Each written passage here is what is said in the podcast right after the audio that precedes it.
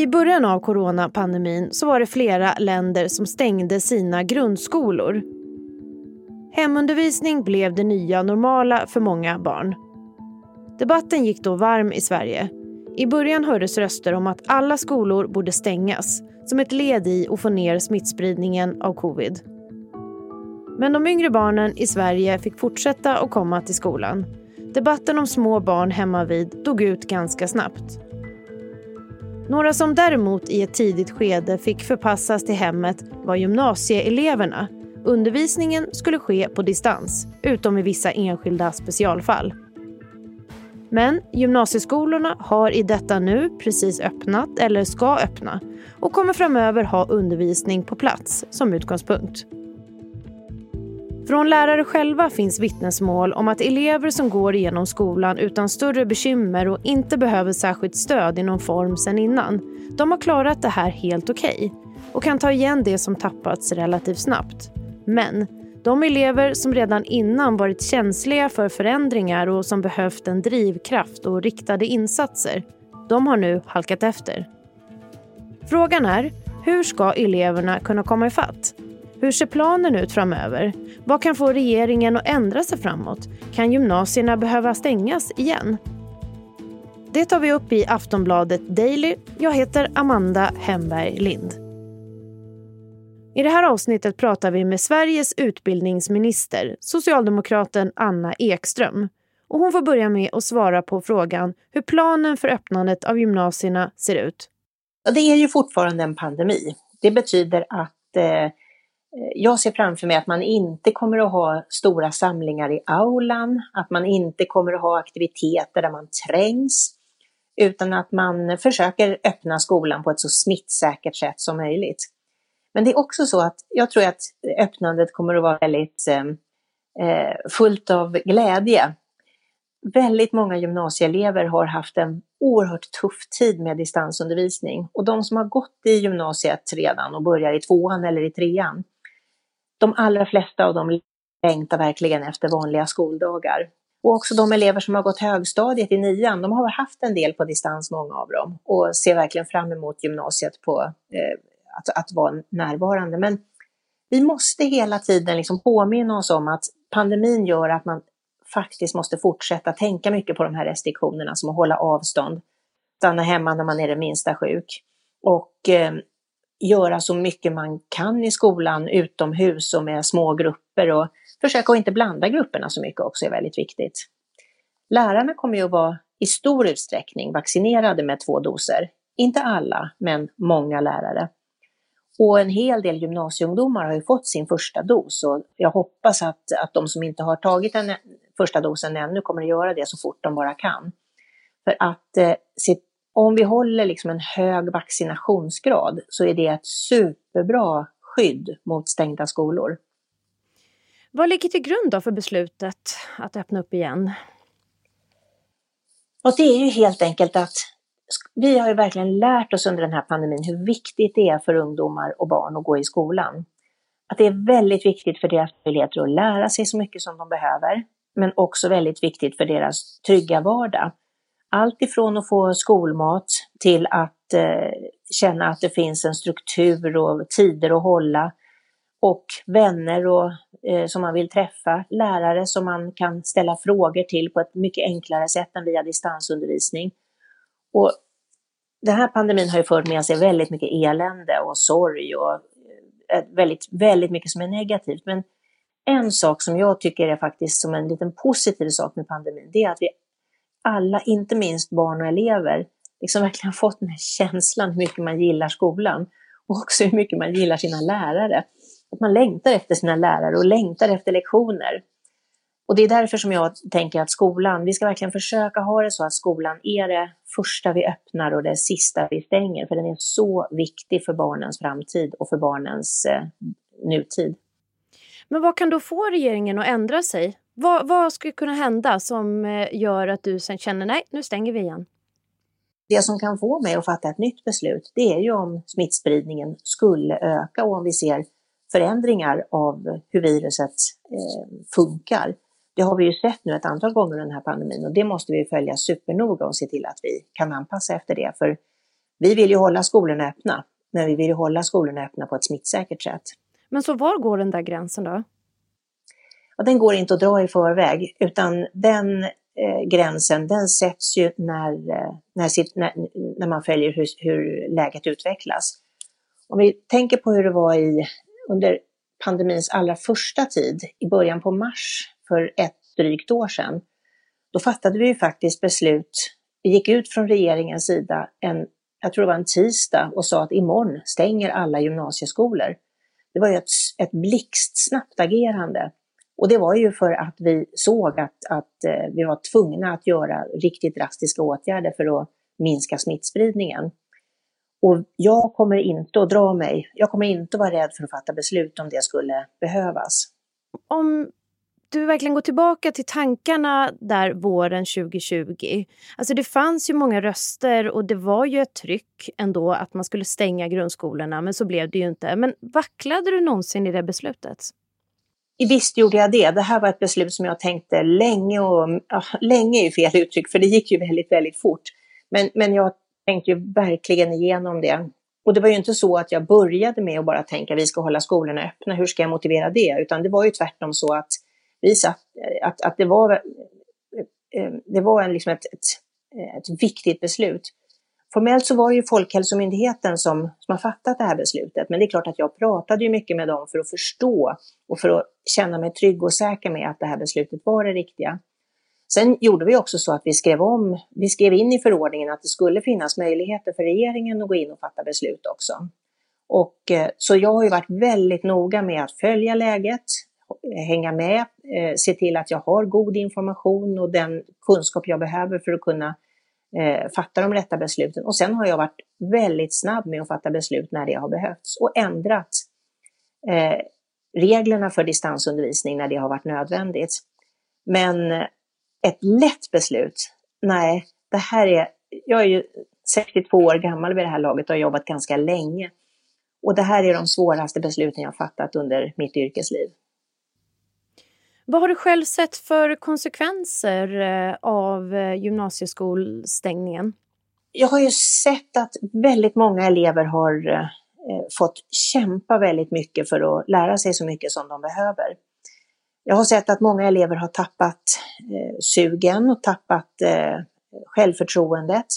Jag har sett att många elever har haft en en, en ska man säga, en långtråkigare gymnasietid med, min, med mindre av det som gör gymnasietiden roligt, nämligen att man får nya vänner och kan göra spännande saker tillsammans. Det har man ju inte alls kunnat göra. Idrottsaktiviteter och sånt har varit inställda, inga skolresor. Sen är det ju så att eleverna, jag säger att de har haft det tuffare att lära sig så mycket som de ska. Nu har vi fått preliminär betygsstatistik och den visar ju att betygen har inte vare sig gått upp eller ner i särskilt stor utsträckning, utan de är ungefär de samma. Eh, samtidigt vet ju jag att det har inte varit några nationella prov och det betyder att lärarna, och lärarna har ju dessutom ofta träffat eleverna en hel del på distans och inte i, i rummet. Så lärarna har haft mindre underlag för att sätta betyg än vanligt. Så jag kan vara orolig för att det finns bakom de här betygen kunskapsluckor som måste täppas igen. Och där måste ju vi från samhällets sida faktiskt säga att här har eleverna tagit ett otroligt stort ansvar, ett större ansvar än vad 15, 16, 17-åringar, 18-åringar brukar ta. Och när de, om vi upptäcker kunskapsluckor, då måste det finnas goda möjligheter för eleverna att täppa igen dem. Och då ska det finnas ett samhälle i ryggen där som hjälper till med det. Men det har blivit konsekvenser i form av ohälsa och ett visst kunskapstapp. Det säger ju Skolverket. Hur ska man kunna ta igen det här konkret? Det är en väldigt svår uppgift eftersom i den mån som det finns kunskapstapp så är det ju någonting som, är, som, som inte går att... Men om, om jag ser framför mig fem elever så kan inte jag peka på dem och säga du har missat matte och du har missat engelska, för det är väldigt, väldigt olika vi måste ju se till att man i skolan får chansen att upptäcka de här kunskapsluckorna, men också täppa igen dem. Och därför så har vi sagt att den, eh, under nästa år så kommer man att kunna flytta på ämnen och kurser. Så att om man har missat någon i, något i sexan så får man ta igen det i sjuan, fast det egentligen hör till sexans kursplan. Och vi har också sagt att man ska få extra pengar för lovskola, extra möjligheter att plugga på helger och på lov och läxhjälpssatsningar. Och sen har vi också tillsatt en extra skolmiljard för, eh, som gäller under det här året och som gäller under höstterminen. Så att skolorna ska få möjlighet. Men allt det här är nödvändiga saker, men det kommer ju vara ett jättetufft jobb för skolorna. Lärarna och eleverna har tagit ett så stort ansvar redan och fått jobba väldigt hårt och jag kan inte låtsas annat än att det kommer att bli ett hårt arbete både för lärare och elever också framöver. Men då du är inne på det, elever och lärare tagit ett stort ansvar, ordnat undervisningen, det har varit nya förutsättningar, direktiv, det har skett snabb, snabba, snabba puckar har det varit. Eh, och sett i backspegeln då, var det ändå, ändå värt det, anser du? Ja, jag tycker, ja, vi, det vi har gjort i Sverige är ju att vi har, vi har ju liksom bara varit tvungna att gilla läget. Det är en pandemi och den här pandemin den kännetecknas ju av att vi har en supersnabb smittspridning. Eh, och med deltavarianten en, som det verkar, en ännu snabbare smittspridning. Men den kännetecknas ju också av att den här sjukdomen är jättefarlig, framförallt för de med underliggande symptom och de som är äldre. Och vi måste anpassa vårt arbete och vårt samhälle så att vi kan skydda de som verkligen behöver det här skyddet. Och dessutom har vi ju lärt oss att den här sjukdomen vill man inte ha, inte heller när man är ung och frisk. Så Visst, vi var tvungna att göra de här anpassningarna och det jag är väldigt glad över och tacksam över, det är att vi i Sverige har kunnat hålla våra skolor öppna så mycket som vi har. Eh, vi hade ju kunnat göra som i princip alla andra europeiska länder och stänga förskolor och grundskolor under den förra höstterminen.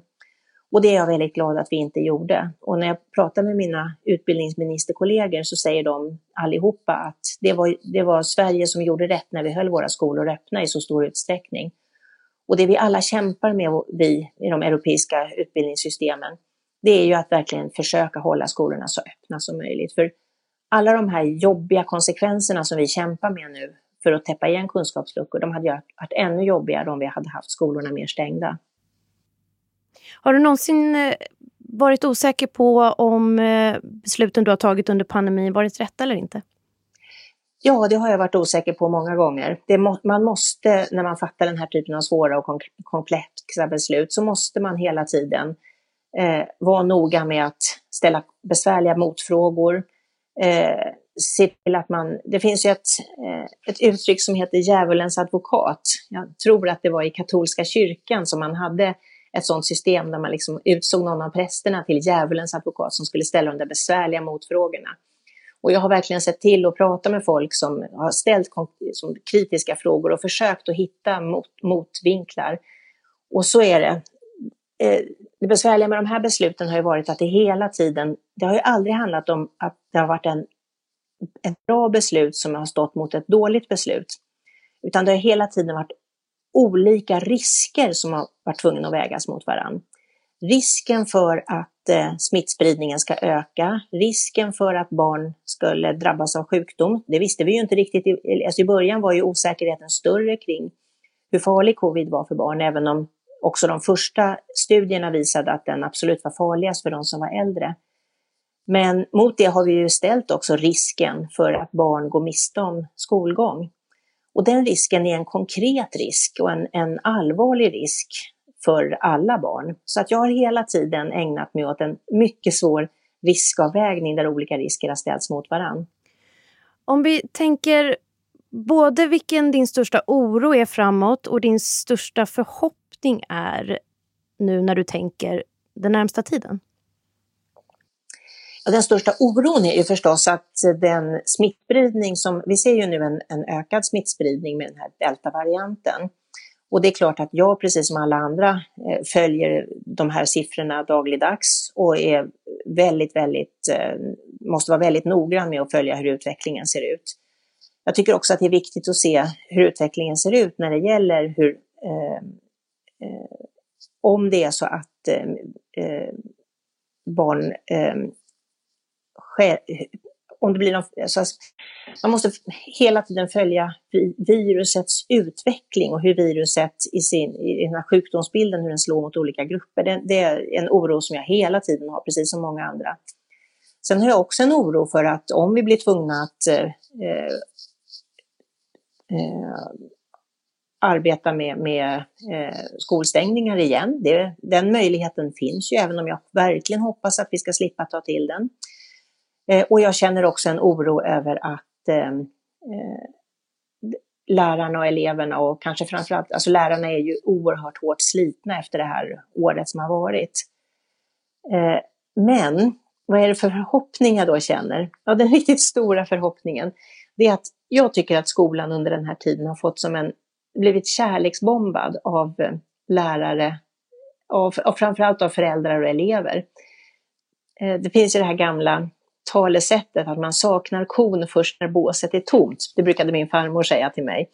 Och det har verkligen varit så att när skolorna har varit stängda, herregud vad barn och elever har uttryckt sin kärlek och sin längtan till skolorna.